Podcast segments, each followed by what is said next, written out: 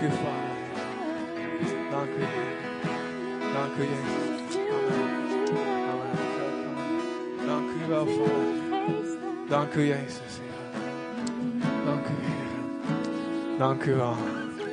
Dank u, Vader.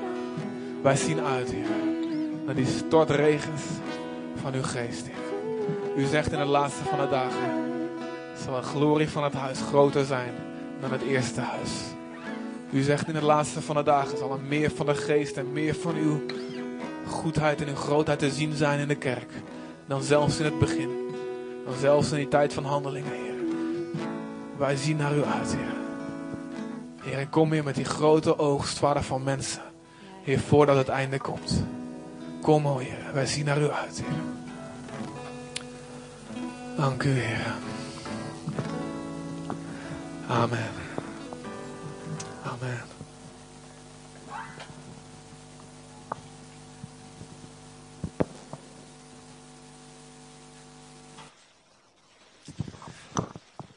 Amen.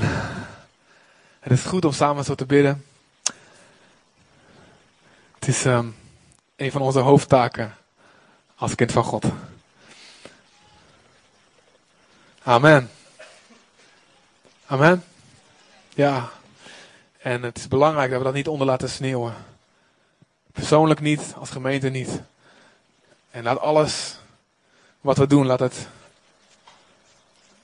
gebed uitademen. Oké.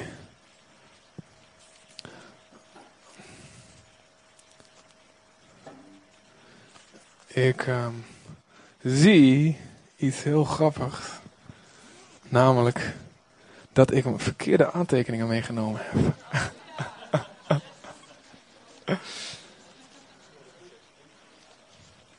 dus dan gaan we dat uit ons hoofd doen. Want het is wel wat de Heer wil zeggen. Nee, dat hoeft niet. Nee, dat, tegen de tijd dat we terug zijn dan... Uh... Nee, dit gaat wel. Dit gaat wel. Oké. Maar in de teksten. Nou word ik getest. Spreuken 29 vers 25.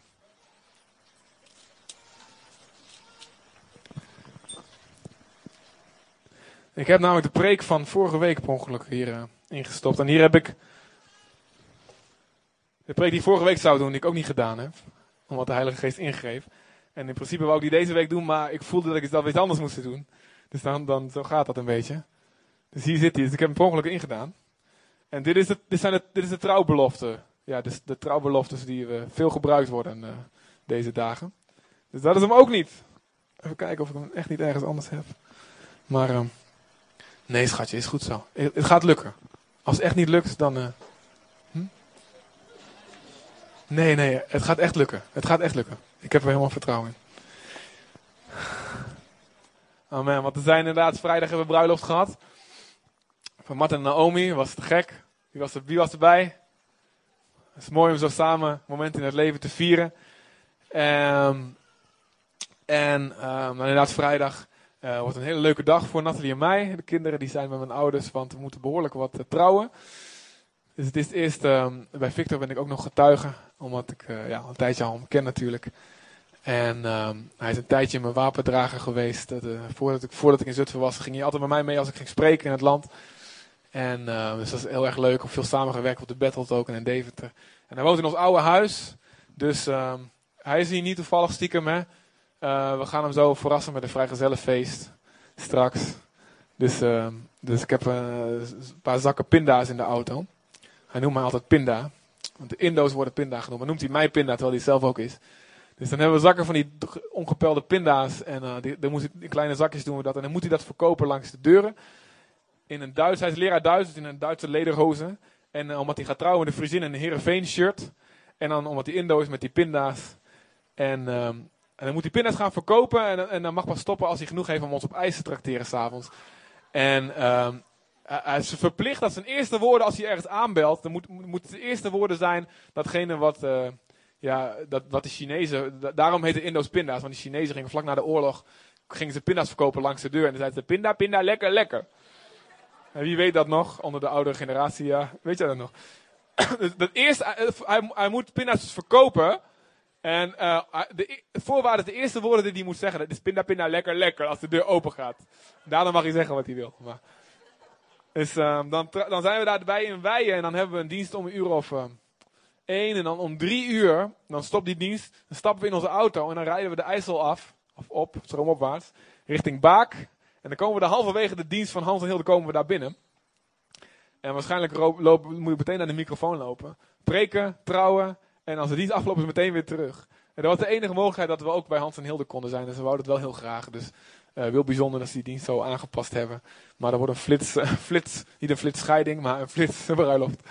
En, uh, en daarna gaan we dus weer terug naar, ja, naar daar. Omdat ik als getuige daar ook, ja, we daar moeten zijn.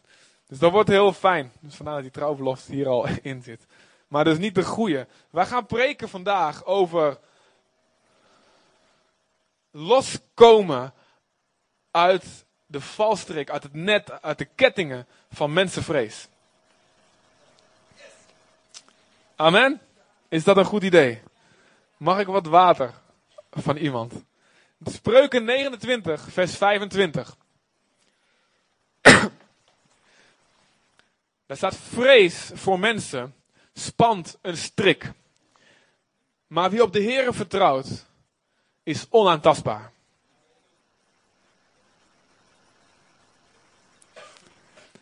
Vrees voor mensen spant een strik. Maar wie op de Heere vertrouwt, is onaantastbaar. Zeg maar maar na. Het is goed om het woord uit je hoofd te kennen. Vrees voor mensen spant een strik. Maar wie op de Heere vertrouwt, is. Wie wil onaantastbaar zijn? Het is mogelijk om onaantastbaar te zijn. We hebben daar vaak een raar beeld bij. Dan denken we aan een koning op zijn troon. Niemand kan erbij. En een balkonen in zijn torentje, weet je wel. Of uh, een popster op zijn ranch. En, um, maar wij kunnen, en op een goede manier, dankjewel, heel fijn. Wij kunnen onaantastbaar zijn. En dat is om door vrij te komen van vrees voor mensen. Schiet mij nog trouwens te binnen. Uh, ja, Fieke en Els zijn terug. En ik, uh, ja, ik vroeg of ze even wat wou vertellen. Fieke zegt van nou, uh, wacht maar even tot volgende week. En Els wil ook nog even wachten om even wat te vertellen. Of wil je... Ja, doe je het nu? Doe je nu? Oké, te gek. Nou, geef even een applaus aan Els. Els is terug uit Polen en is ook in Curaçao geweest. Heeft een jaar gediend ook, ja, ja, in de Bijbelschool van Faith Walkers. En het is leuk om uh, weer uh, terug te zijn. Hoop ik. Is het leuk om terug te zijn? Oké. Nou, ik um, heb twee jaar een bijbelschool gedaan. Um, en voor mijn bijbelschool ben ik uh, twee maanden op stage geweest naar Curaçao. Om stage te lopen in het kinderthuis van Kees Roemie van Harte. En um, ja, wat ik daar heb gedaan is voornamelijk schoongemaakt. Gewoon hun praktisch gediend in dingen die nodig waren. Um, ik heb uh, ook geholpen met de kinderen. Als ze vakantie hadden, hebben we leuke dingetjes met ze gedaan. Dat was heel erg leuk. En in Polen hebben we ook praktisch werk gedaan, een kerk gediend. Ja, dat was het eigenlijk wel een beetje wat ik gedaan heb. Te gek joh, wat is de belangrijkste les die je geleerd hebt afgelopen jaar? Um, ja, wie ik ben, wie ik mag zijn, wie God is voor mij. Dat is wel een beetje wat ik geleerd heb. Amen. En, en, en wie is God? Wie, wat heb je ontdekt van hem? Um, dat hij echt van me houdt, onvoorwaardelijk, wie, om wie ik ben. Amen, te gek. En wat heb je, gediend van het, wat heb je geleerd van het schoonmaken? ik heb mezelf echt uh, een beetje moeten overwinnen. Want ik, op een gegeven moment had ik gewoon echt geen zin meer in. Maar ja, ik moest volhouden. Dus ik heb gewoon uh, doorzettingsvermogen geleerd. En geleerd dat, het, dat, het gewoon, uh, dat ik hun daar blij mee heb gemaakt. En eh, dat dat het belangrijkste is. Dat het niet om mezelf gaat, maar ehm, ja, om God te dienen en andere mensen te dienen. Amen, wauw. Dit vind ik indrukwekkend. Gek. Dankjewel. Ja? Amen. Geef nog even een, wat uh, luider applaus. Want... Helemaal te gek. Bueno, entonces la, la, la próxima semana sí que le toca a, a decir todo lo que pasó allá. Bueno, vale.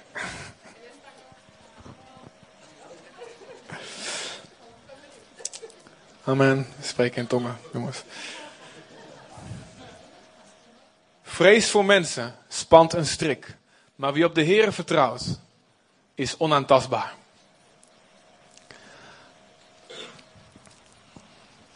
Ja. En toen had ik geen aantekening. Nee. Het is. ehm, iedereen kent, kent het om bang te zijn. Om, om bang te zijn voor wat mensen denken, voor wat mensen gaan doen. Het is misschien de, ja, wel de grootste angst die er is. Ik bedoel, er zijn allerlei verschillende angsten in het leven die je kan hebben. Angst om geen eten meer te hebben. Angst om eh, ja, dood te gaan. Hè. Dat zijn eh, op zich goede angsten. en Goede reflexen die je kan hebben. Maar eh, waar we het meeste mee geconfronteerd worden, zijn mensen. Mensen zijn heel reëel. En eh, het gevaar is vaak dat ze reëler gaan worden dan God. Want God kan je niet zien. Mensen zien we elke dag. We zien hun ogen, we zien hun blikken. We weten zelf wat het is om een mens te zijn, dus we weten hoe een mens werkt. We gaan vaak rekenen, oké, hoe, hoe zou, die en die en die niet van mij denken? En het kan kettingen in je leven brengen. Het kan je ge- gevangen maken op een manier die niet gezond is. Zoals hier staat, het kan een strik spannen in je leven. En God wil dat je op Hem vertrouwt, meer dan dat je bang bent wat mensen denken, zeggen of doen. En dan zul je onaantastbaar zijn. Oké, ehm, ja, misschien is het toch goed als iemand even, even wil gaan. Ja, ik weet niet. Ja, de, de fietssleutels in mijn tas, daar. Ja, als je wil. Eh, pak maar de. ehm, ga maar naar binnen, naar zolder en haal maar mijn laptop. Die is op zolder op, de, op het bureau.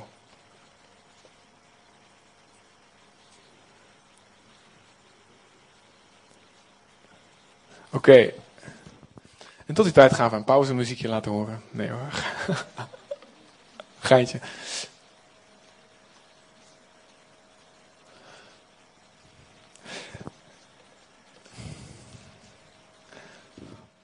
Oké, nee, ik kan het wel. Ehm, Oké, er zijn verschillende vormen van angst voor mensen. En dat kan, dat kan, dat kan eh, heel klein zijn en het kan heel groot zijn. En het begint ermee met de, met de, de kleinste vorm als het ware is van wat, wat zullen mensen wel niet van me denken? Wat zullen ze wel niet van me denken als ik dit of dat doe? Ik weet nog, het moment kwam, ehm, ik was eh, net, eh, net tot geloof gekomen, net echt serieus tot geloof gekomen. Nou, en zoals jullie, zoals ik wel eens vaker verteld heb, ik vond daarvoor, toen ik al wel naar de kerk ging, en ehm, vond ik mensen die bijvoorbeeld met hun handen zo omhoog stonden in de dienst, dat vond ik een beetje van die overdreven mensen. Hè? En gisteren nog, eh Nathalie en ik waren in Arnhem, even aan het eten in zo'n wokplek. En toen eh kletsten we met, eh, met een, een, de serveerster, zeg maar. En, we raakten in gesprek over de Heer. En toen zei de Pinkstergemeente, ja, dat ken ik eigenlijk niet. Ik, ben katholiek en zo. Dus eh, ze ja, dat is zo'n zo'n blije kerk en muziek. En een beetje zo, we staan een beetje zo en zo. Oh, met die handen omhoog. Oh, met die handen omhoog. Waarom doe je dat dan? Waarom doe je dat dan? Wij uitleggen van waarom, waarom we dat deden en alles. En ik weet nog van dat ik dat ook dacht. Dus ze zei, dat hoeft toch helemaal niet, dat hoeft toch helemaal niet, je handen omhoog. Dat was een heel goed gesprek verder hoor. Maar ik weet nog dat ik dat ook dacht. Ik dacht van, doe het toch normaal. Ik, ik bedoel, ik geloof ook in God, maar ik blijf gewoon rustig staan. En, en, dat waren van die mensen die gingen helemaal zo. En dat vond ik een beetje wereldvreemd. Dus dat overdreven, dat hoeft toch helemaal niet. En toen kwam ik tot geloof en ik... Het eerste wat ik deed is... Was, toen was ik in Indonesië.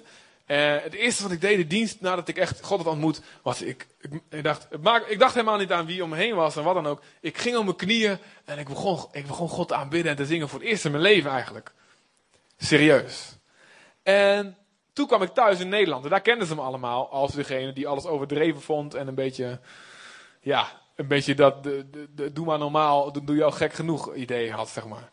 En ehm, dan weet ik nog dat ik dacht van, ja, ik wil eigenlijk, ik wil eigenlijk, ik wil eigenlijk God aanbidden. Ik, ik zit zoveel in mijn hart. Ik wil mijn handen omhoog doen, maar dat heb ik nog nooit gedaan, hè. En, en, ja, hoe moet ik dat nou doen? Ik zeg, weet je wat, ik doe, ik doe één hand, één hand zo. Of een beetje zo voor me, zo misschien. En dan één omhoog, zo. Zo, een beetje zo. En ik weet dat ik zo weet, oh, wie ziet me nou, ja. En ik dacht van, maar ik weet dat op een gegeven moment dacht ik van, ja, als ik het nu niet meteen in het begin doe, nou, hoe langer het duurt, hoe lastiger het wordt. Ik bedoel, nu weten ze er allemaal dat er wat veranderd is. Ik kan het beter nu meteen doen. En ik weet nog dat die ging, dat ging niet hoor. En dat was zo'n strijd, zeg maar. En zo'n overwinning. En dan ging ik, ja. En de eerste, eerste paar keren ben je alleen nog maar bezig van, ja, staat hij wel goed, weet je wel. Moet hij niet een beetje meer zo? Moet hij niet een beetje meer zo? Ik bedoel, je wil ook niet zo staan, dat is ook weer niet goed. En, en, en. En dan ging het steeds hoger. En op een gegeven moment, dacht, toen zag ik iemand anders die deed de tweede lucht in. Dat is ook wel tof. Dacht ik, dat wil ik ook wel. En, en, want het gaf zo'n gevoel van, oh, die is echt vrij, weet je wel. Dat wil ik ook. En, en thuis, als ik bad en als ik gewoon de muziek op had staan, dan ging hartstikke goed. Dan ging het, oh, nou, nou. Maar als ik dan bij mensen was, dan was het, ja, wat zullen die wel niet denken? Dat zal wel niet gaan.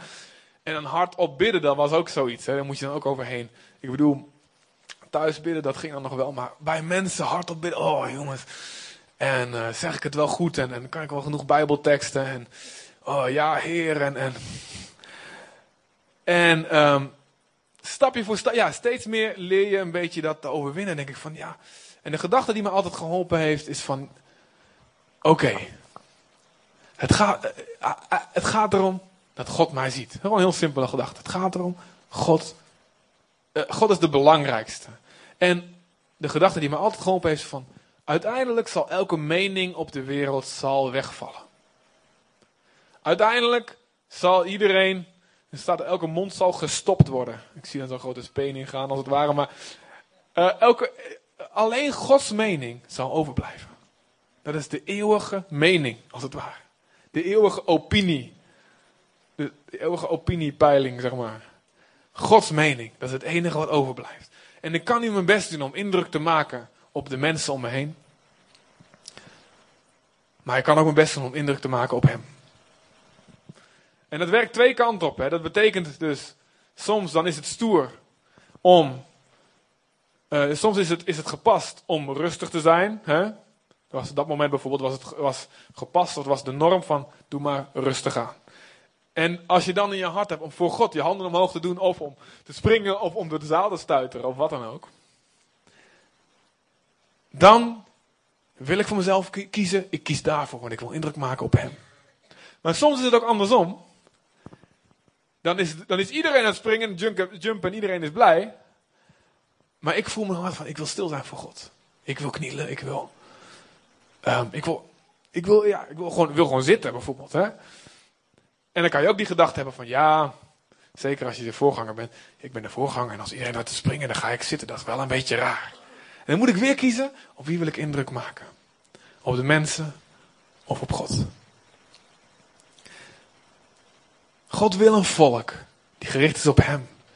En voor wie Hij echter is dan al die ogen die in je nek naar je kijken of misschien helemaal niet kijken. Want weet je wat het ook is? Wij denken vaak, zo vaak, wat zal die en die, die wel niet denken. Maar weet je dat mensen veel minder met jou bezig zijn dan dat jij denkt? Mensen zijn veel te druk met hun eigen dingen om de hele tijd aan jou te denken.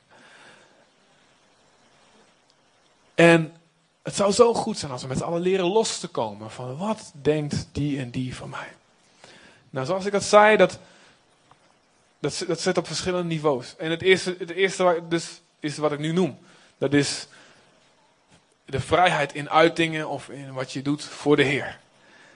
En ga met mij naar, en dit, gaat hij uit mijn hoofd, hè, 2 Samuel uh, 6. Yes, 2 Samuel 6.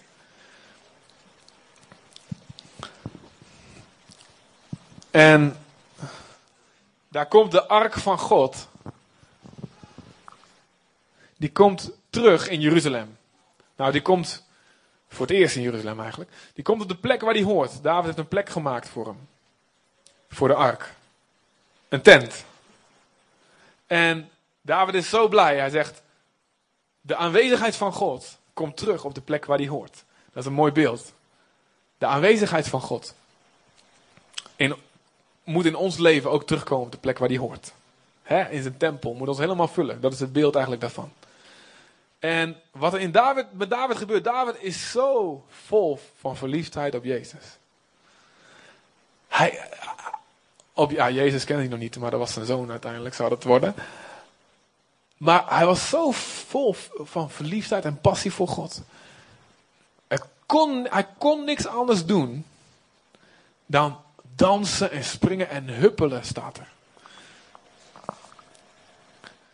Daar staat in um, ehm, 2 eh, Samuel 6, vers 15. David en het hele huis van Israël haalden de ark van de Heer. Onder gejubel en hoorngeschal. Zo'n shofar, hè, die Jeroen eh, wel eens meeneemt. Toen de ark van de Heer, de stad van David, binnenkwam, keek Mikal, de dochter van Saul, door het venster. En zag koning David huppelen en dansen voor het aangezicht des Heren. En zij verachtte hem in haar hart.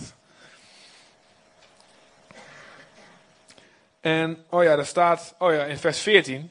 Het pech als je aantekening hierbij hebt. Een vers dus daarvoor. En David danste uit alle macht voor het aangezicht van de Heer. En David nu was omgord met een linnen lijfrok. Oké, huppelen, dansen, uit alle macht, alleen in een linnen lijfrok. Oké, wie wil even naar voren komen en dat uitbeelden voor mij? Inclusief het uitkleden en strippen in je ondergoed. Grapje, grapje. Ah, dat zou leuk zijn. Dat zou echt een onvergetelijke preek worden, denk ik. Niemand? Nee, oké, dan niet. David danste uit alle macht voor het aangezicht van God. Omdat hij blij was met God. En wij denken dan, wat zal die en die wel niet denken? Hey, weet je, ik zal je wat vertellen. Het is waar dat mensen gek van je denken. Als je zo gek danst. Het is waar. Staat in de Bijbel. Er keek een koningsdochter uit het raam naar beneden. En die koningsdochter die wist heel goed hoe koningen zich moesten gedragen, want die had haar vader gezien. En Saul, een kenmerk van was dat, was dat hij heel erg bang was voor de mening van mensen. Hij was zo bang voor de mening van mensen dat hij alles deed om ze bij hem te houden. Als hij zag dat het volk van hem wegliep, dan deed hij maar wat om het volk zich erbij, erbij te houden. Dat is snel. Dat is echt snel, kerel. Um, deed hij alles om het volk bij zich te houden. En, en had dat heel goed gezien. En daarom toen hij terugkwam. Jij hebt echt gerend. Hoe doe je dat, joh? Echt cool. Ja, echt de Heer. Snelheid van de Heer.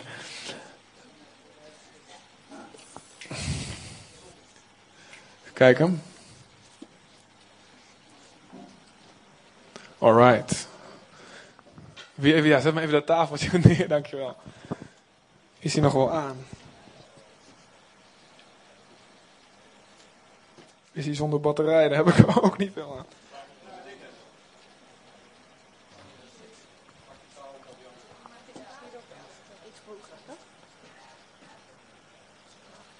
Nou. Oh, hij is uitgegaan. Ja, hij gaat weer aan. Komt wel goed. Dus Mikael wist heel goed hoe een koningsdochter zich moest, moest gedragen. En ze zei, als toen David thuis kwam, zei ze in vers 20: Wat een eer heeft de koning van Israël zich nou weer verworven. Dat hij zich vandaag heeft ontbloot voor de ogen van zijn slavinnen, van zijn dienaren. Zoals een lichtzinnige kerel zich schaamteloos ontbloot. Maar David zei dat Mikael, voor het aangezicht van de Heer, die mij uitgekozen heeft boven je vader en boven heel zijn huis, om mij aan te stellen tot koning. Voor het aangezicht van God heb ik gedanst en ik zal mij nog geringer gedragen dan ik deed. Ik zal onaanzienlijk zijn in eigen ogen. En er staat er iets heel heftigs. Mikal nu, de dochter van Saul, bleef kinderloos tot de dag van haar dood toe.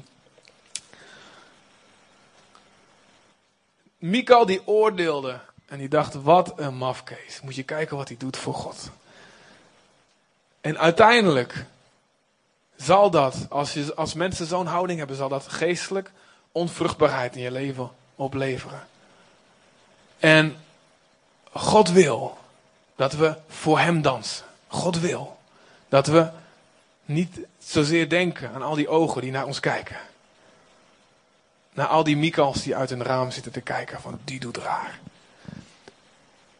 En het is moeilijk. Absoluut. Maar ik, er is een tekst uit het liedje van Matt Redman. Wat me geweldig aanspreekt. The fire in my heart is burning through the chains. En dan zegt hij, it's time to praise like we never praised. Het vuur in mijn hart, het brandt de kettingen als dat smelt de kettingen door. De kettingen van de mening van mensen.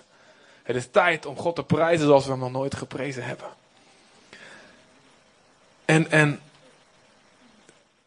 de Bijbel spreekt daarover en die, die uitingen. Geen voorkeursnetwerk beschikbaar, dat is jammer. Die uitingen zijn aan de ene kant niet belangrijk, aan de andere kant wel. Want het is belangrijk dat we ons hart uiten. Dat we laten zien wat er in ons hart leeft. En ik snap, dat moet stap voor stap gaan. Ik heb je verteld van mezelf, dat ging ook moeilijk. Hè? Dat ging dus eerst zo, en dan ging het zo, en dan ging het zo, tweede hand erbij. En, uh, en elke keer weer moet je even nadenken. Zeker als je hier vooraan staat, met een hele gemeente in je rug. Hè, jongens, vooraan. Maar we moeten met z'n allen de keuze maken. We willen niet zo'n sfeer hebben dat we naar elkaar zitten te kijken. We moeten voor het aangezicht van God moeten we dansen. En dan moeten we ook heel eerlijk zijn. Als het dan niet in je hart is, dan hoeft dat ook niet. Dat is geen probleem. Als het niet in je hart is, dan hoeft het niet. Maar als het in je hart is, laat het eruit. En doe het maar stap voor stap, geen probleem. Maar laat eruit wat erin is. Want het is zo dat, dat al het huppelen en dansen en prijzen en dat. Sommigen zullen dat gek vinden. Maar God gebruikt dat. Het is een getuigenis van de blijdschap die in ons hart leeft. God, de Heilige Geest, rust daarop als je dat doet.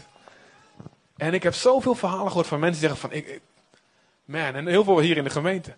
Ik weet niet wat het was en ik dacht het is raar. Maar ik zag ze huppelen, ik zag ze dansen en dacht, ik vond het heel gek en maf, maar aan de andere kant had het ook wat. wie is hier zo de gemeente binnengekomen en dacht in het begin dat,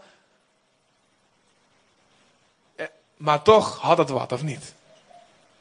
En het, het sprak van iets echt, het sprak van iets van God. En dan moeten we niet kwijtraken.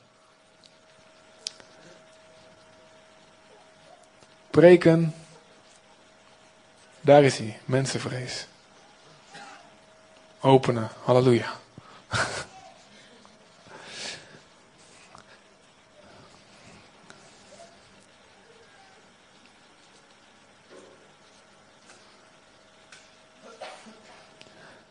Amen. Dus. Komt u maar. Yes. Dat is dus een vorm. En dat is dus een manier waarin we kunnen strijden tegen mensenvrees. Heel erg simpel. Hetzelfde geldt voor evangeliseren. Wat zullen ze wel niet denken? Um, als je in een trein zit en iedereen is stil. Het is een volle trein. En um, er overkwam me een keertje, ik kwam terug van Nijmegen, waar ik studeerde. En um, er zat een volle trein, het was vijf uur. Iedereen zat achter de krant. Weet je wel, dat kennen jullie wel. Propvol, maar niemand zegt wat. Iedereen leest. En uh, mijn medestudent die zat tegenover me en die vroeg: Maar vertel nou eens. Jij hebt God ontmoet. Vertel eens hoe dat ging.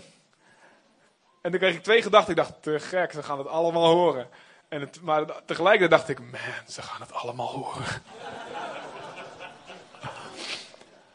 en dan kies je ervoor. Want dat gevoel kennen we allemaal. En God snapt dat gevoel van vrees, van wat gaan ze denken, dat kennen we allemaal. Dat gevoel op zich is geen zonde. Dat wil ik heel duidelijk zeggen. Het is geen zonde om het te voelen of om erover na te denken. Dat is geen zonde.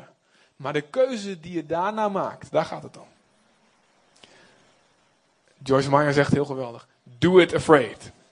Geweldig. Moed is niet de afwezigheid van angst, maar bang zijn, maar toch doen wat je weet wat goed is. Dat is moed. Dus niet de afwezigheid van angst. Maar angst voelen en toch doen wat God je zegt. Dat is moed. Dus doe het bang. Dus ik deed dat. Ik dacht, bam. En iedereen heeft het gehoord. Nou, en zoveel momenten. En elke keer weer iedereen die zijn verhaal vertelt. Op het werk of waar dan ook. Of op straat. En we gaan vanaf volgend jaar gaan we samen met Doetinchem gaan we om de twee weken en samen met de Bijbelschool op de Battled, die gaat beginnen, gaan we elke twee weken de straat op. Naast de gebedspost die er al is, gaan we nog wat meer op straat getuigen. Iedereen die dat doet, waar dan ook, dus in een gewone situatie of op straat, waar dan ook, moet over die drempel heen. Wat zullen mensen van ons denken? En inderdaad, de boodschap is, zoals we lezen hier in de Bijbel, er zijn Mikals die denken, doe eens normaal. Dan doe je al gek genoeg.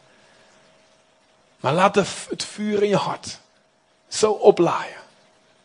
En dan mag je best wel Heer en bidden, Heer help me. Ik, ik, weet, ik ben bang. Ik weet, ik, weet, ik durf die hand niet omhoog. Ik durf niet te vertellen over u. Ik durf niet um, dat liedje te zingen.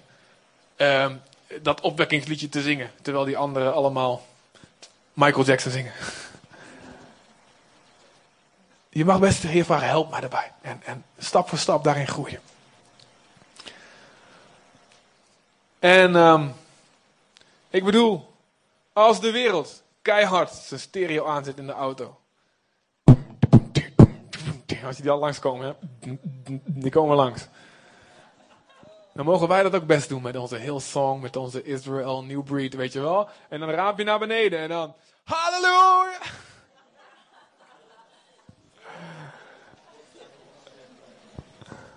Ik bedoel, we moeten een beetje, ja, we moeten een beetje brutaal worden. We moeten een beetje onze mond opentrekken. En een beetje loskomen, een beetje heel erg loskomen van die angst voor mensen. Oké? Weet je, in de eeuwigheid komen ze allemaal achter. Die mafkees in die auto, uh, of die mafkees op straat, die had gelijk. Toch? Beter dat ze er nu achter komen en nu alvast wat zien. Uiteindelijk is dat de mening die overblijft. Yeah. Of niet? We hebben vrijmoedigheid nodig en we mogen erin groeien en stap voor stap. Maar we kiezen ervoor, jongen. We gaan zeggen, heren, ik wil meer vrijmoedigheid. Dat is een vorm dus. Nou ja, een stapje verder. Dan kom je in huigelarij. Dat is ook een vorm van angst voor mensen. En Jezus zegt in Lucas 12, zegt hij. Jongens, pas op voor het zuurdeeg van de fariseërs. Dat is hun huigelarij. En dat betekent zuurdeeg, dat stop je in een stuk deeg. Een oud stuk deeg stop je in een nieuw stuk deeg. En dan wordt het helemaal zuur. Een klein stukje kan een heel groot stuk al zuur maken. Dat betekent, pas op, die huigelarij die kan besmettelijk zijn. Huigelarij betekent net doen alsof. Uh, doen alsof je heilig bent terwijl je het niet bent. Doen alsof je liefdevol bent terwijl je het niet bent. En pas daarvoor op, zegt Jezus. Dat zegt hij tegen al zijn discipelen. Wij moeten daar voortdurend oppassen. We kunnen wel zeggen, nee, nee, nee, ik, ik ben iemand, ik hou van echtheid en zo. Jezus zegt tegen iedereen, pas op. Voor je het weet, springt het over. Pas op, zorg ervoor dat je echt blijft. En dan zegt hij daarna, er is niks bedekt of het zal geopenbaard worden. Er is dus niks verborgen of het zal bekend worden. Alles wat je in het donker gesproken hebt, zal in het licht gehoord worden. En wat je aan het oor gezegd hebt in de binnenkamer, zal van de daken gepredikt worden. En dan gaat hij verder en dan zegt hij, de wortel van huigelarij ligt in mensenvrees. Ik zeg jullie, mijn vrienden, vrees hen niet die het lichaam doden en daarna niks meer kunnen doen. Dat is een hele pittige uitspraak. Vrees hen niet die het lichaam kunnen doden en daarna niks meer kunnen doen. Ik zal jullie laten zien wie jullie moeten vrezen, zegt Jezus. Vrees hem die nadat hij gedood heeft, macht heeft om in de hel te werpen. Voorwaar ik zeg jullie, vrees hem. Wauw. Lucas 12, vers 4 en 5. En Jezus zegt tegen jou vandaag: vrees hen niet, mijn vriend, mijn vriendin. Vrees hen niet die jouw lichaam misschien kunnen doden. Of met hun blikken jou kunnen doden. Of met hun meningen. Of met hun weblogs. Of weet ik veel wat. Jou kunnen doden. Of je reputatie kunnen doden. als maximale kunnen ze je lichaam doden, absoluut. Maar daarna kunnen ze niks meer doen. Dan ben jij bij de Heer. Vrees Hem. Wees, zorg ervoor dat je indruk maakt op Hem. Die nadat hij gedood heeft, macht heeft om in de hel te werpen. Wauw, die Jezus weet het wel scherp te zeggen. Zijn mening, daar gaat het om.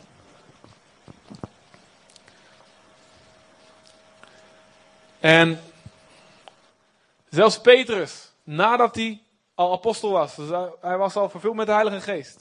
Daarvoor was Petrus bang. we kennen het verhaal. Petrus verlogende Jezus. Hij had mensenvrees. Ken jij hem? Je hoort vast bij hem. En hij was bang. Nee, nee, nee, ik ken hem niet. Hij vervloekte zichzelf en verlogende Jezus. De haan kraaide. Daarna werd hij vervuld met de geest en zagen dat hij vrijmoedig werd als, als een aap. Ja, wie is, wie is vrijmoedig? Vrijmoedig, heel erg vrij. Hij preekte de mensen plat. 3000 kwamen tot bekering. En hij zei, jullie hebben Jezus gekruisigd. En hij zei, we moeten God meer gehoorzamen dan mensen. Hij was, had de vrijmoedigheid gekregen. Maar hij viel nog, daarna nog een keer terug in zijn oude patroon. Dat laat zien, we moeten altijd scherp blijven. We moeten altijd vol blijven van God. Het is niet één keer vol van de geest en daarna altijd. We moeten altijd blijven uitstrekken. Wordt vervuld van de geest, zegt Paulus. Want wat er gebeurde is, hij was in Antiochië bij de niet-Joodse christenen, die niet besneden waren. En daar at hij met ze, met Paulus. En dan staat in Galaten, staat er Galaten 2. Hij at met ze en hij ging met ze om. En daarna kwamen de Joodse gelovigen uit Jeruzalem, die kwamen over. Die nog een beetje vastzaten aan het idee, je mag niet met niet-Joden omgaan. En toen kwamen, kwamen die, kwamen, en toen ging, zei Petrus, oh die Joden komen. Ik ga maar niet meer met al die niet-Joden aan tafel zitten, met al die heidenen aan tafel zitten. En toen moest Paulus hem in het openbaar bestraffen, zei hij. En dan zei, uh, Petrus was een huigelaar. En zelfs Barnabas, zijn kameraad, die huigelde met hun mee. En toen moest hij ze in het openbaar bestraffen. Het is oppassen geblazen met huigelarij, met net doen alsof. En we moeten daarvoor waken. Laat er echtheid zijn in ons hart. Laat er echtheid zijn. En um, ik ga zo ook een stukje balans brengen hierna. Dat wil ik vast verklappen. Betekent niet dat je ongevoelig moet worden. Dat is heel wat anders. Betekent niet dat, uh, nou ik ben eerlijk, dus ik zeg maar gewoon wat ik denk. Dat, daar gaat het niet om. Het gaat om echtheid, eerlijkheid, transparant zijn. Niet bang zijn voor de mening van mensen. Niet je daardoor laten leiden. Een andere vorm van mensenvrees is vleien. Er staan heel wat coole teksten over vleien. En um, voor wie wil, ik, noem even, ik, noem, ik lees wat teksten voor. Uh, ik raad je aan, thuis in je tijd met God. Uh, om het een beetje, om het gewoon te verdiepen en het deel van je te maken. Zoek die teksten thuis op, laat ze op je inwerken. Wij allemaal hebben de neiging om te vleien. Vleien, dat is um, dingen zeggen die je niet meent.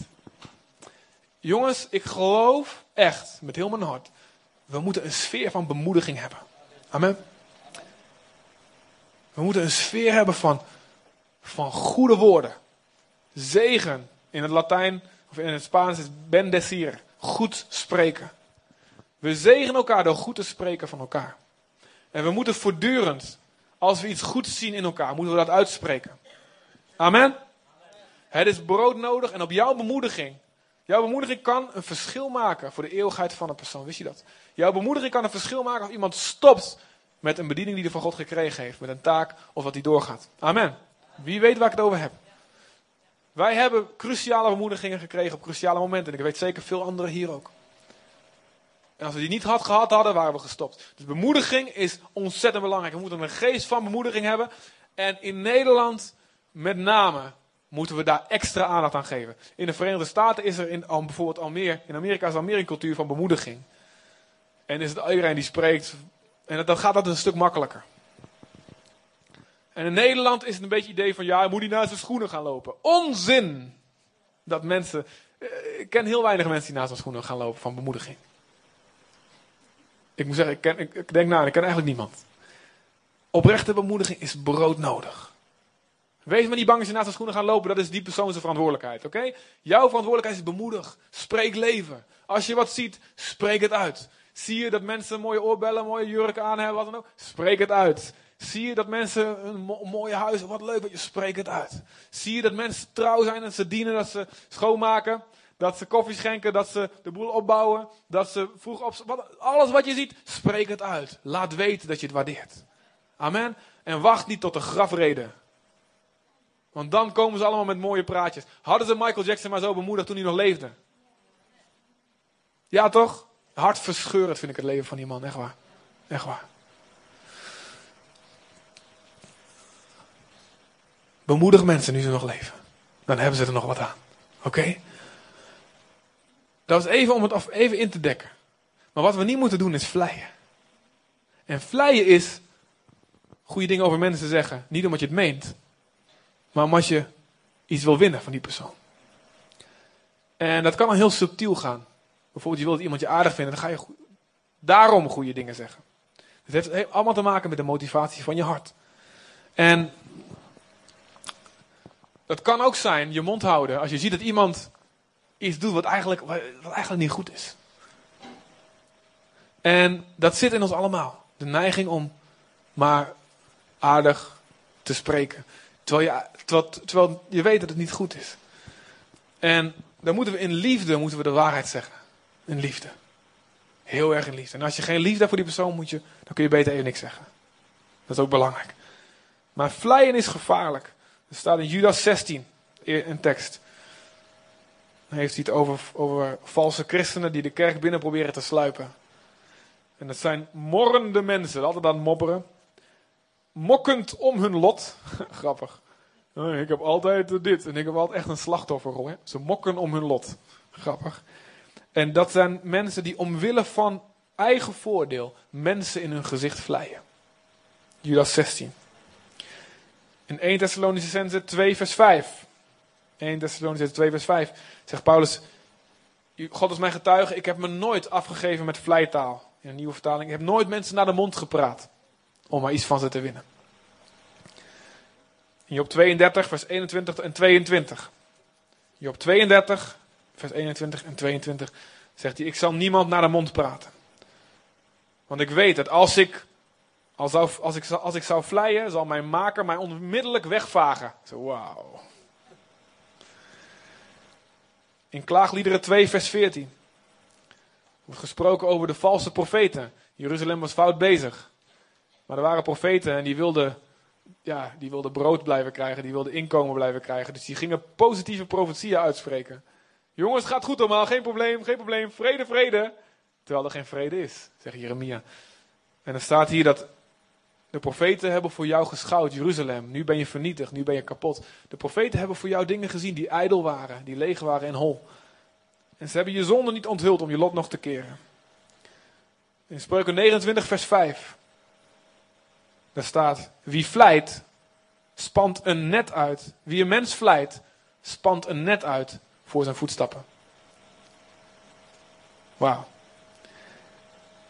En in Spreuken 28, vers 23. Wie een ander vermaant in liefde, zal later meer dank oogsten dan wie vlijt met een gladde tong. Dus laat mensenvrees je niet ertoe verleiden om dingen goed te praten of mensen naar de mond te praten. Terwijl de Heilige Geest eigenlijk zegt, je moet hier, je moet die mensen helpen op het goede pad te komen. Dus je moet vanuit liefde, moet je zeggen, joh, en dat is bijvoorbeeld een evangelisatie. Als je met mensen niet-christenen spreekt, is het heel verleidelijk. Hè? Zo vaak meegemaakt. Van, uh, dan, ben je aan het praten met mensen en uh, ja, we, geloof en de kerk. Oh ja, ja, ja, ja, ja, het is goed dat je gelooft. Ja, weet je, want iedereen die, uh, die heeft toch wat nodig en voor jou is het dit en voor die is het dat. Hè? Ja toch, ja toch, dat toch, ja toch. En dan staat het heel erg bot en ouderwets als je zegt, nee hoor, Jezus is voor iedereen. En er is maar één naam gegeven onder de hemel onder wie we gered kunnen worden, dat is Jezus. Dus niemand komt tot de Vader dan door hem. Nou, de, de, de, verleiding is heel groot om een beetje, ja, ja, ja, ach ja, weet je wel. En ik heb in het begin, ja, ik heb er wel eens wat blunders in gemaakt. En um, dat, je dan, dat je dan maar zei om, om iemand niet aan te geven. Iemand vroeg me een keer rechtstreeks, ja, als ik nou niet geloof, ga ik dan, ga ik dan naar de hel? Ik zei, ja, ja, ja, dat weet ik niet, zei ik. Wist ik wel, maar durfde niet te zeggen. Dat weet ik niet hoor. Toen kwam ik thuis, ging bidden, kon niet bidden. God zei, maak maar een nieuwe afspraak. Oké, eh, ja, ik moet een nieuwe afspraak maken, want ik denk dat God wat tegen je wil zeggen. Heel nieuwsgierig. Ja, de vorige keer zei ik dat je niet naar de hel ging, maar ik moest van God zeggen dat het wel zo was. Ja. Zo zei ik het niet, maar ik uitgelegd waarom en zo. Heel goed aangekomen trouwens, heel goed overgekomen. De persoon is nog niet bekeerd, maar we zijn nog wel goede vrienden gelukkig. Dus pas op voor vleien. Laat mensen vrees je niet van weerhouden de waarheid te zeggen als dat moet. En tegenwoordig als het is het heel populair om, ja, zeg maar niet te veel, hè. Maar geen kwaad, geen kwaad doet. Maar soms moet je uitspreken tegen onrecht. Soms moet je uitspreken als de dingen niet goed zijn. Oké, een andere vorm van mensenvrees is toegeven aan menselijke manipulaties. Of mensen die door schuldgevoel dingen willen afdwingen. Dat kan op een dreigende manier. Als jij niet dit en dat doet, dan zal ik dit en dat. Dat kan ook anders gaan. Als jij niet dit en dit, dit, dit, en dat en dat voor mij doet, dan voel ik mij heel erg, heel erg niet fijn. En dan is dat jouw schuld. En let op, we moeten liefdevol zijn, dat is heel belangrijk. We moeten zachtmoedig zijn van hart, dat is heel belangrijk. En soms moeten we een tweede mijl met mensen gaan. Die het niet verdienen, moeten we genade laten zien. Heel veel wijsheid daarvoor nodig. Je kunt nooit een standaard situatie, standaard, standaard iets toepassen. Maar we moeten uitkijken dat we niet toegeven aan mensen die ons onder druk zetten. En als kerkleider, of, ja, of, of, of wat dan ook, als je leiding geeft ergens, is het heel gemakkelijk om, om daartoe, daarvoor te vallen. Want er zijn heel wat mensen die, die eigenlijk vinden van zichzelf, nou, ik vind dat ik die en die plek wel moet hebben in de gemeente. Of uh, ik vind dat ik die en die plek wel moet hebben op mijn werk of waar dan ook. En dan is de verleiding heel groot om mee te gaan en zeggen, nou ja, om maar tevreden te stellen, want straks gaat hij weg. Of uh, ja, straks gaat die verkeerde dingen zeggen, dat wil ik ook allemaal niet. De verleiding is heel groot om hem daaraan toe te geven. Maar we, moeten het goede blijven doen, ongeacht de reactie van mensen. En misschien zul je ook voor zulke keuzes komen te staan. En zul je heel veel druk voelen om een bepaalde kant uit te gaan. Doe wat God je zegt. Wat voor druk van mensen er ook is. Als iedereen verwacht dat je een bepaalde keuze maakt, misschien in je familie of in je vriend. Iedereen verwacht dat je die en die keuze maakt. Geef niet toe aan mensenvrees. misschien moet je die keuze wel maken die iedereen zegt dat ze druk op, opzetten. Je moet niet per se om maar rebels te zijn dan het tegenovergestelde doen. Dat moet je ook niet doen. Maar let op. Let op je hart. Van waaruit maak je de keuzes? Wat is de reden waarom doe je bepaalde dingen?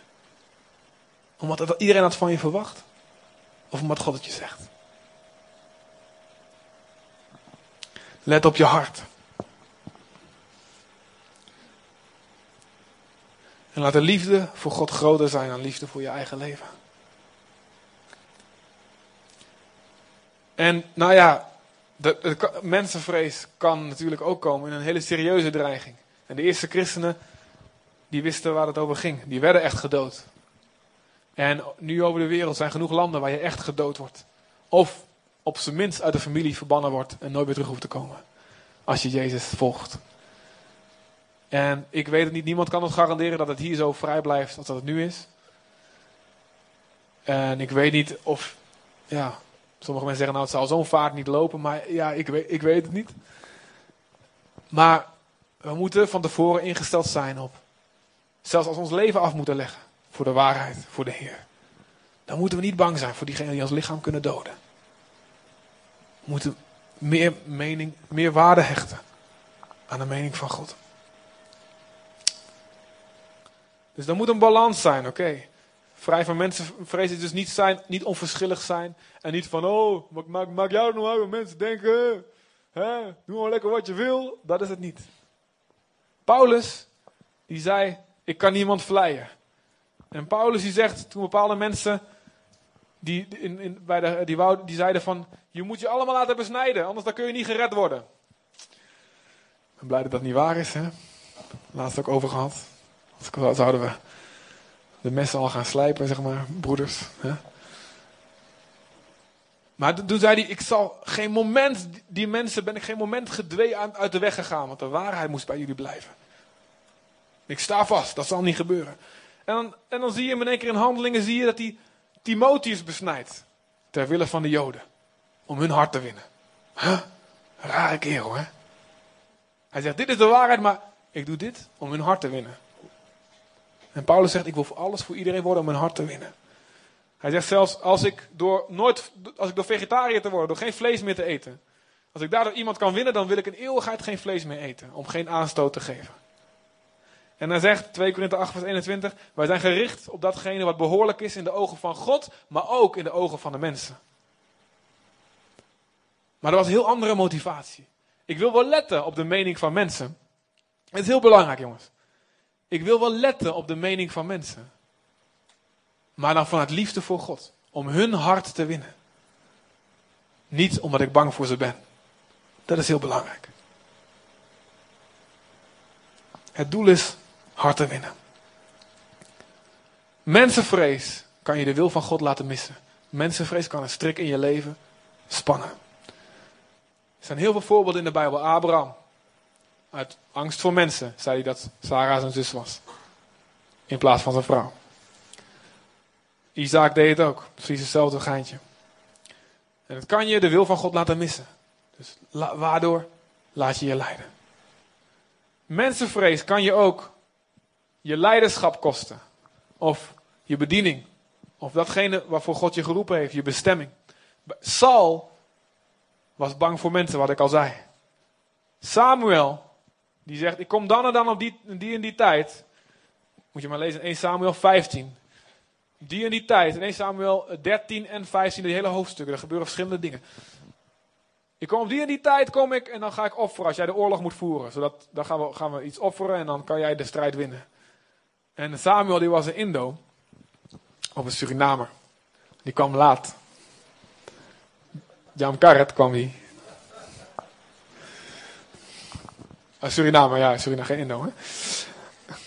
Die kwam laat, Samuel. En Saul raakte in paniek en de mensen liepen weg.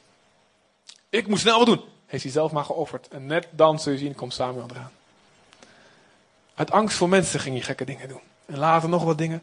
En uiteindelijk zegt Saul, jouw, het koningschap wordt je ontnomen. Je leiderschap, de roeping van God op je leven, kan je ontnomen worden als je doorgaat vanuit mensenvrees te handelen. Als je doorgaat vanuit angst, wat mensen denken of willen, keuzes te maken.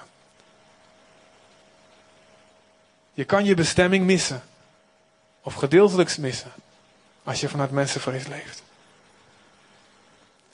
En mensenvrees kan je ook je eeuwige redding kosten. Dit is iets heel heftigs. In Johannes 9. In Johannes 9, daar wordt een blind geborene, van zijn geboorte af blind, wordt genezen door Jezus. Wauw, halleluja. Zo'n wonder wil ik ook zien. En dan zijn ouders, die worden gevraagd, is dat echt zo, dat hij van zijn geboorte blind is? Want daar geloof ik niks van. Die vragen, de fariseeërs vragen dat dan. En dan, dan zeggen ze, eh, ja, hij is, uh, hij, is, uh, hij is oud genoeg, vraag het hem zelf maar. Weet je wel? In 9 vers 21. Vraag hem zelf, hij heeft zijn leeftijd, hij zal voor zichzelf spreken. Vers 22, dit zeiden zijn ouders, omdat ze bang waren voor de Joden.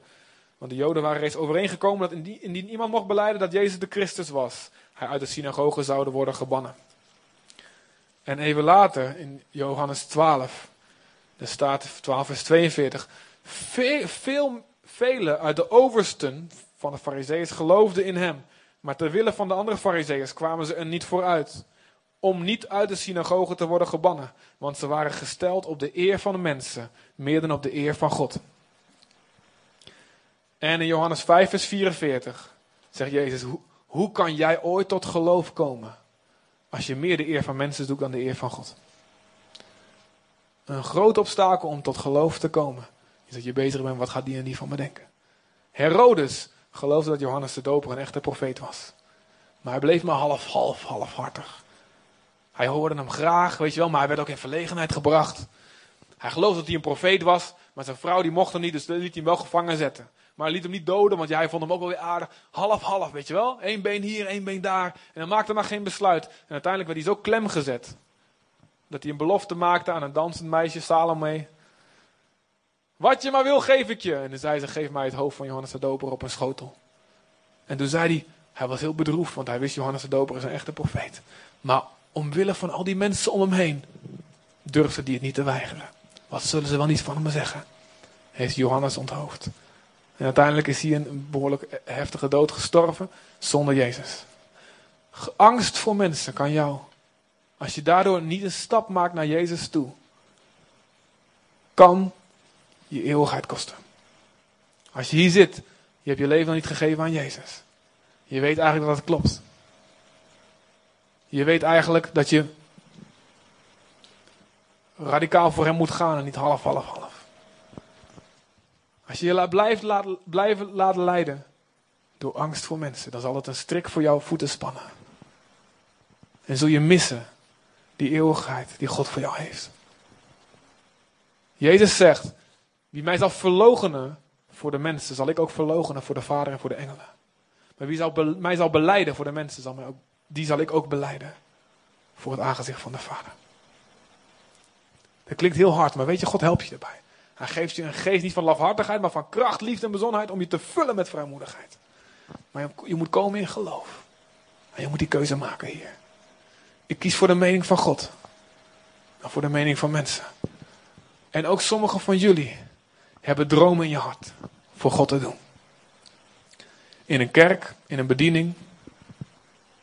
Misschien gewoon in de wereld. Maar je hebt een droom in je hart. Maar uit angst, misschien, wat gaan de mensen zeggen als het dan niet lukt? Wat gaan mensen zeggen als die, die of misschien heb je iets heel groots op je hart en je denkt, ja, dan, dan zien ze hem al aankomen. En God zegt vandaag, kom los uit die kettingen van mensenvrees. Ga wandelen in je dromen. Ga wandelen in wat God voor je klaar heeft. Kom los uit al die kettingen. De wereld wacht dat je openbaar wordt. Dat de zonen van God op gaan staan en hun ding gaan doen. Gods ding gaan doen. Kom los uit die kettingen. In aanbidding, gooi de remmen los. Come on jongens. In evangeliseren, gooi de remmen los. Wees echt, wees geen huigelaar. Zeg de waarheid in liefde. Bemoedig dat wat je echt van iemand vindt en niet om te vleien. En kom los van de mening van mensen. Alleen zijn mening zal overblijven. Amen. Ga staan alsjeblieft. Lieve schat. Pauline, kunnen jullie komen en, uh, en wat spelen?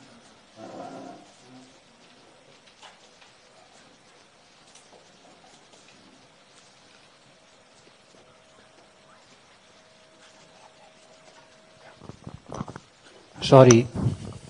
Maar we even zo tien tellen gaan zitten alsjeblieft. Wij, uh, wij zitten hier in deze school hè. En daar mogen we altijd gebruik van maken, uh, iedere zondag. En nu kreeg ik uh, eind mei, dus dat is uh, een week of twee, drie geleden. Kreeg ik een briefje van iemand die woont hier achter. En dat was nogal een brief. Ik denk, no, no nooit geweten dat wij hier zoveel overlast bezorgden aan de buurt hier. En ja, briefje gelezen, aan de kant gelegd. Uh, van de week, ik dacht maandag, kreeg ik een mailtje van degene die hier de school uh, regelt. En die zei van uh, eh, 5 juli, dacht ik, dat het was. Aanstaande donderdag, geloof ik. Worden jullie uitgenodigd hier op deze school om even te spreken met iemand van de gemeente Zutphen uh, voor wat betreft de geluidsoverlast die uh, veroorzaakt wordt. Ik denk, nou nou, dit gaat wel heel kort door de bocht. Want uh, zeg maar twee weken geleden was ik nog van geen kwaad bewust. Nou ben ik twee weken later en moeten we bij de gemeente Zutphen aan tafel gaan zitten. Ik denk, nou, nou kun je er op, twee, op een aantal manieren op reageren. Ik kan zeggen, ik pak de boel in hier en ik ga weg en ik zoek een andere plek. Of ik kan zeggen van, nou die uh, gasten die daar wonen, laat ze me lekker bekijken. Wat hij dan net, wat Chris net zei. Zoek het maar uit. Wat je niet moet doen, ja, maar dus een keuze, mogelijkheid, zou je kunnen doen. Of je kunt zeggen, ik ga eens kijken of het waar is überhaupt wat die meneer uh, of mevrouw uh, vertelt. Dus ik ben net al een paar keer rondgelopen, ik denk wel eens horen hoe erg overlast dat is. Dat is een mogelijkheid. Um, en dan zou je het op de spits kunnen drijven. Kun je ook doen. Um, wat we sowieso uh, kunnen doen en ook gaan doen, is hier zo, de achtergevel zeg maar, en het plein hierachter, daar gaan we niet meer komen. Waarom niet? Niet omdat, het, omdat je zeg maar mensenvrees hebt en zegt van oh ik raak mijn plekje kwijt en oh ik ben zo bang voor de buurman en de gemeente Zutphen kom maar op de huid zitten enzovoort. Maar gewoon omdat je diegene die daarachter woont en die nu in de tuin zit, daarmee ja, eert, zeg maar. Zegt van, hé, hey, je bent een persoon voor mij, jouw mening is ook belangrijk. Ik ga wel door wat ik moet doen. Ik ga ook niet weg. Maar ik, ik heb je wel gehoord en ik heb je gezien en jouw mening is voor mij is belangrijk en daar hecht ik waarde aan. Snap je? Dat, en wat Chris al zei, je kan nooit voor iedere situatie zeggen van zo je ermee omgaan. Maar wat je in het algemeen wel kan zeggen, is dat je mensen eert. En zegt van je bent een mens van mij, je mening is belangrijk. Ik ga kijken, klopt het wat je zegt? En ik ga er wat mee doen. En wat wij ermee gaan doen, is dat we hier niet meer op de plein komen. Snap je? Oké. Amen. Gaan we weer staan. speel maar, speel maar. Speel maar een beetje.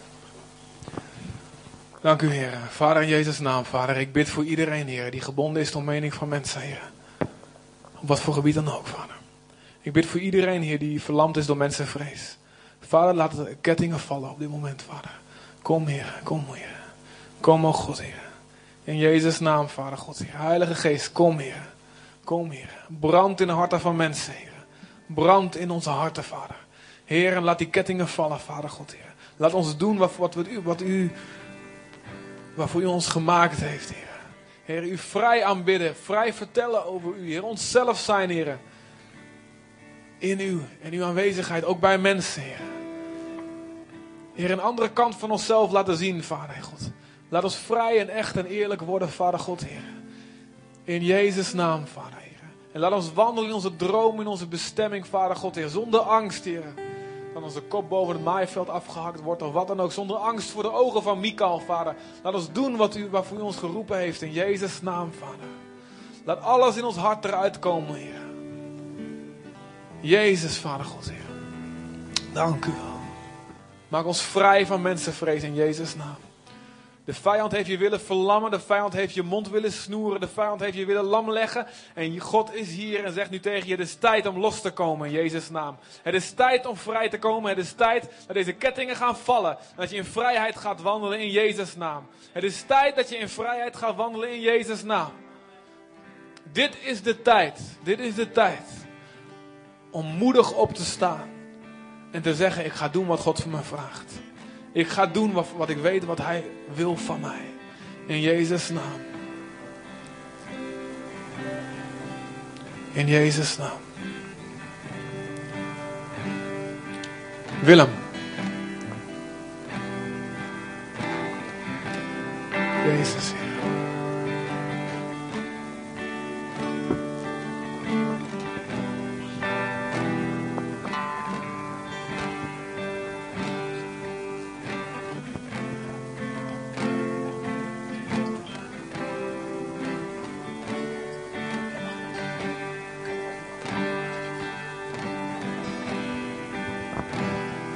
Ja, de Heilige Geest is je vriend. De Heilige Geest wil een uh, relatie met je. En sommige mensen zijn, zijn bang voor de Heilige Geest. Sommige mensen zijn, uh, zitten vast in patronen, in, in, in dingen. En die durven zich niet over te geven aan de Heilige Geest. En die voelen zich vaak ongemakkelijk. Op het moment dat er een dienst is, dat er oproep is, of dat er um, gevraagd wordt om je leven te geven. Niet een klein deel, maar helemaal. En ik was een boek aan het lezen van, van Benny Hinn. En weer opnieuw. En uh, ik kan een stukje voorlezen daaruit. En er staat heel mooi, precies wat ik eigenlijk niet zo mooi kan zeggen als hij dat kan.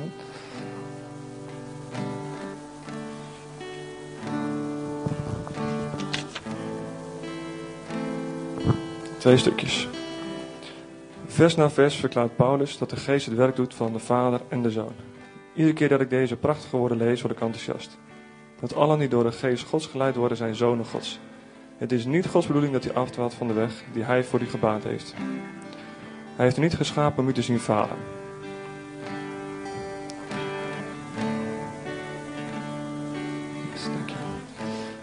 Zelfs een ongelovige is zich bewust van de kracht van de Heilige Geest. Ik heb met honderden mensen over een bekendingservaring gesproken en velen hebben me verteld: er gebeurde iets onverklaarbaars. Ik voelde me ellendig over de dingen die ik deed.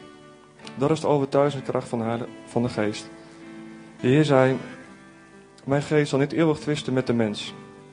Er is een worsteling gaan waarbij de Heilige Geest u probeert duidelijk te maken dat u de Heer nodig hebt. Daarom voelen mensen zich zo ongemakkelijk in de tegenwoordigheid van God, voordat ze gered worden. De Geest is de getuige van Jezus. In Johannes staat, wanneer de trooster komt, die ik u zal zenden van de Vader, de Geest der waarheid, die van de Vader uitgaat, zal deze van mij getuigen. Het voornaamste doel van de Geest is mensen tot Christus te leiden. De Geest overtuigt de mensen. Ik heb mensen ontmoet die waren weggelopen uit de bijeenkomst en letterlijk door de Heilige Geest werden achtervolgd. Ze voelden zich ellendig over hun zonden. Ze voeren een voortdurend trekken aan hun hart. De Geest wilde hen niet laten gaan, totdat ze vrede maakten met God door de Zoon. Hij zal uw gedachten binnenkomen, u de waarheid van het evangelie voorhouden en u van de betrouwbaarheid ervan overtuigen. Nadat u dan uw hart aan Christus hebt gegeven, blijft hij nog steeds bij u en helpt u om te getuigen. En speciaal voor, voor die mensen die dan um, die voelen van, ik heb een angst voor de Heilige Geest, ik heb een angst om uh, mijn leven helemaal te geven aan, aan God. Um, ik voel me ongemakkelijk bij een dienst, zo'n moment als dit. Um, omdat je weet van, eigenlijk moet je een keuze gaan maken en je durft goed, dan uh, speciaal voor die mensen oproep om zo naar voren te komen. En uh, dan gaan we met je bidden met het gebedsteam. Mensen. En uh, wees niet bang voor de Heilige Geest. Hij wil, een, een relatie met je. Hij is je vriend. En hij gaat je leiden. En het is misschien moeilijk om een stap te zetten, maar uiteindelijk gaat hij je wel vrij maken. De relatie met de Heilige Geest zit je vrij. Amen. Oké. Gaan twee oproepen doen, doen dus. En de eerste is voor mensen die dat voelen. Eigenlijk is God met mij aan het worstelen om die stap te zetten. En of door mensenvrees of ander soort vrees. Wat voor angst dan ook. Durf je niet toe te geven. Durf je nog niet over te geven in die worsteling aan God. En God zegt tegen je, dit is vandaag, is de tijd. Dat ik een nieuw leven met je wil beginnen. En er staat ook, de geest zal niet eeuwig blijven twisten met de mens. Dit is nu de tijd. Er is nu een gelegenheid om in te gaan op het aanbod van God. God zegt, ik heb Jezus laten sterven aan een kruis in jouw plaats. De straf voor jouw zonde. Als jij gelooft, als jij dat aanneemt, als jij je bekeert van je oude weg, je keert je af van je oude weg, je draait je naar mij toe, dan ga ik je helpen, geef ik je een nieuw hart. Ik ga boven natuurlijke dingen in je doen, dingen die je zelf niet kan. Maar ik wil dat je een stap zet naar mij toe. En dan worden jouw zonden toegerekend aan Jezus. En dan hoef je die straf niet meer te dragen. Het gaat niet eeuwig door, deze kans is niet eeuwig, niet altijd geldig. Zolang je leeft, blijft die geldig. Maar we weten niet hoe lang dat duurt. En God zegt, doe het nu. Dat is de eerste oproep die we gaan doen. Mensen, om je leven aan Jezus te geven. En toe te geven aan die worsteling met God. Misschien die al langer gaande is, of die net maar begonnen is, nu vandaag. En het tweede is dat we gaan bidden voor iedereen. Die zegt, ik wil de kracht van gebed meemaken ook om los te komen van mensenvrees. Misschien om een specifieke stap te zetten. Om moed daarvoor te krijgen. Of in het algemeen om los van, daarvan te komen. Gaan we daarvoor bidden. Amen. Vader, ik wil iedereen vragen zijn ogen te sluiten. Vader, ik dank u wel in Jezus' naam, Heer, dat u hier bent. U bent zo lief, u bent zo goed, Heer. We houden van u. Oh, er is niemand zo goed als u, Heer. Er is niemand zoveel te vertrouwen als u. We zijn zo blij met u, Heer. Heer, u bent het beste wat ons is overkomen, Heer. En u heeft ons zo schoon gespoeld, Heer. U heeft ons zo veranderd. En ik bid op dit moment voor iedereen die zijn leven aan u moet geven, dat ze het zullen doen, Vader, dat ze niet bang zullen zijn. Dat ze zullen toegeven aan die worsteling, Heer. Heer, u worstelt met ze, Vader, Heer, omdat u van ze houdt. Dat ze toe zullen geven aan die overtuiging die ze van binnen voelen. Van, ik, moet, ik moet de dingen in orde maken met God. In Jezus' naam. En ook iedereen die straks gaat komen, Vader. Laat de kettingen van mensenvrees vallen in Jezus' naam, Vader. Laat ons een vrijmoedige, getuigende, vol van kracht gemeente zijn. Een groep mensen zijn vol van kracht en vol van de geest van de Heer. Niet van lafhartigheid in Jezus' naam, Heer. Laat ons niet lafhartig zijn, Vader. Laat ons moedig zijn. In Jezus' naam. Dank u wel, Heer.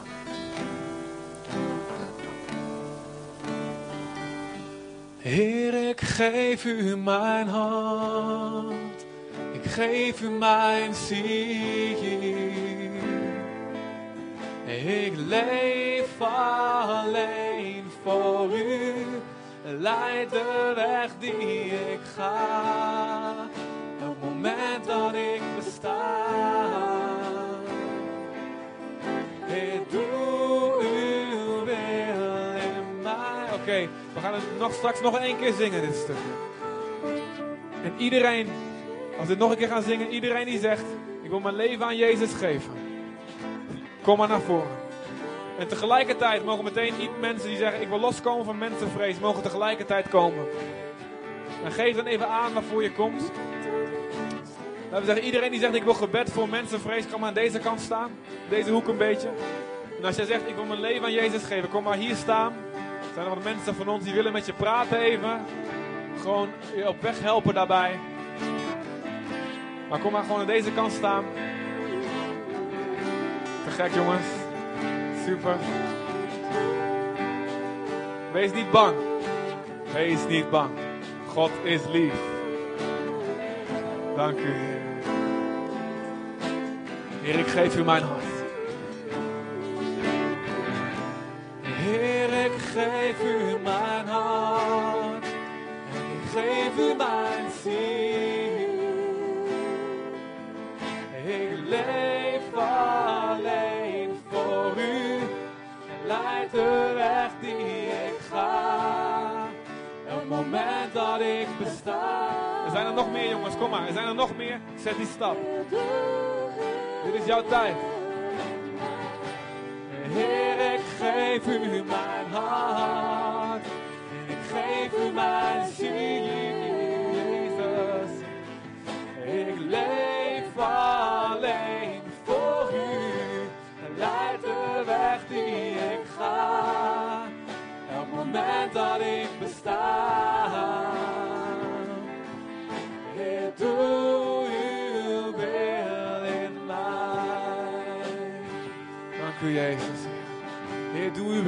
Vader God. Ik dank u wel, Vader. We kiezen voor u. We kiezen voor uw mening boven elke andere mening. En vandaag worden de kettingen gebroken. In Jezus' naam. Vandaag worden de kettingen gebroken. In Jezus' naam, Vader. U vult ons, Vader God, Heer. U vult ons, Vader God, Heer. In Jezus' naam, Vader. U vult ons, Vader God, Heer. U vult ons, Vader God, Heer. En die passie voor u, die zal de kettingen breken in Jezus' naam, Vader. Dank u. Dat de kettingen breken, elke ketting zal gebroken worden. In Jezus' naam, u maakt ons vrij, Vader, om onszelf te zijn, Vader. Dank u wel, Vader. Dank u wel, Vader. Vrijmoedigheid in Jezus' naam. Vrijmoedigheid in Jezus' naam. Vrijmoedigheid in Jezus' naam. Vrijmoedigheid in Jezus' naam. Dank u, Vader.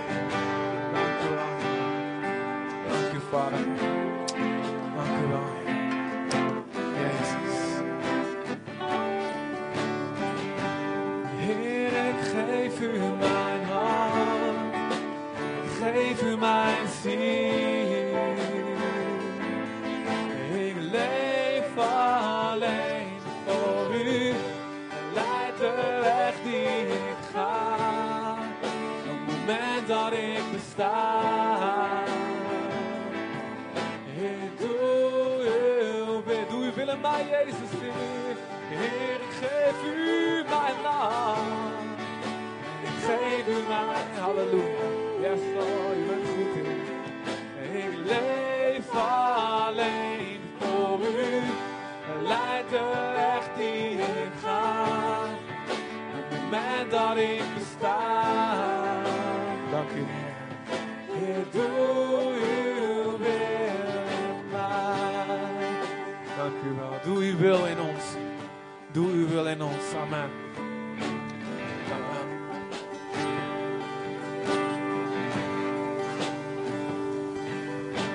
Ik wil echt nogmaals voor de mensen vragen die echt een, een brandend gevoel in hun hart hebben. Verzet je niet tegen de Heilige Geest. Verzet je niet tegen de Heilige Geest. Hij is je vriend. En Heer, ik bid u echt voor dat u elke angst wegneemt, Heer. Geef je over aan Hem die je leidt. Heb geen angst. Heer, haal de angst bij je weg in Jezus' naam, Heer. Heilige Geest, kom. In Jezus' naam. Amen. Oké, we gaan hier zo bidden met mensen. Er komt een gebedsteam, komt eh, bij jullie langs. En voor de, rest sluiten we de dienst af. Aanbiddings, de band zal nog even doorspelen. Eh, als je naar bezigheid van God gewoon wil blijven, kom hier vooraan zitten. Voor de andere is er koffie. Ehm Nathalie en ik moeten helaas heel snel weg. Ehm, en, ehm, maar als jij nog moet komen, ook als jij weet, ik had eigenlijk al hier moeten staan. Dat kan altijd nog. Dus sluit je gewoon hierbij aan. En ehm, je hoeft nergens bang voor te zijn. Er wordt gewoon kort met je gebeden. Als, ehm, maar het is goed. Het is goed om een stap te zetten. Amen. Zegen.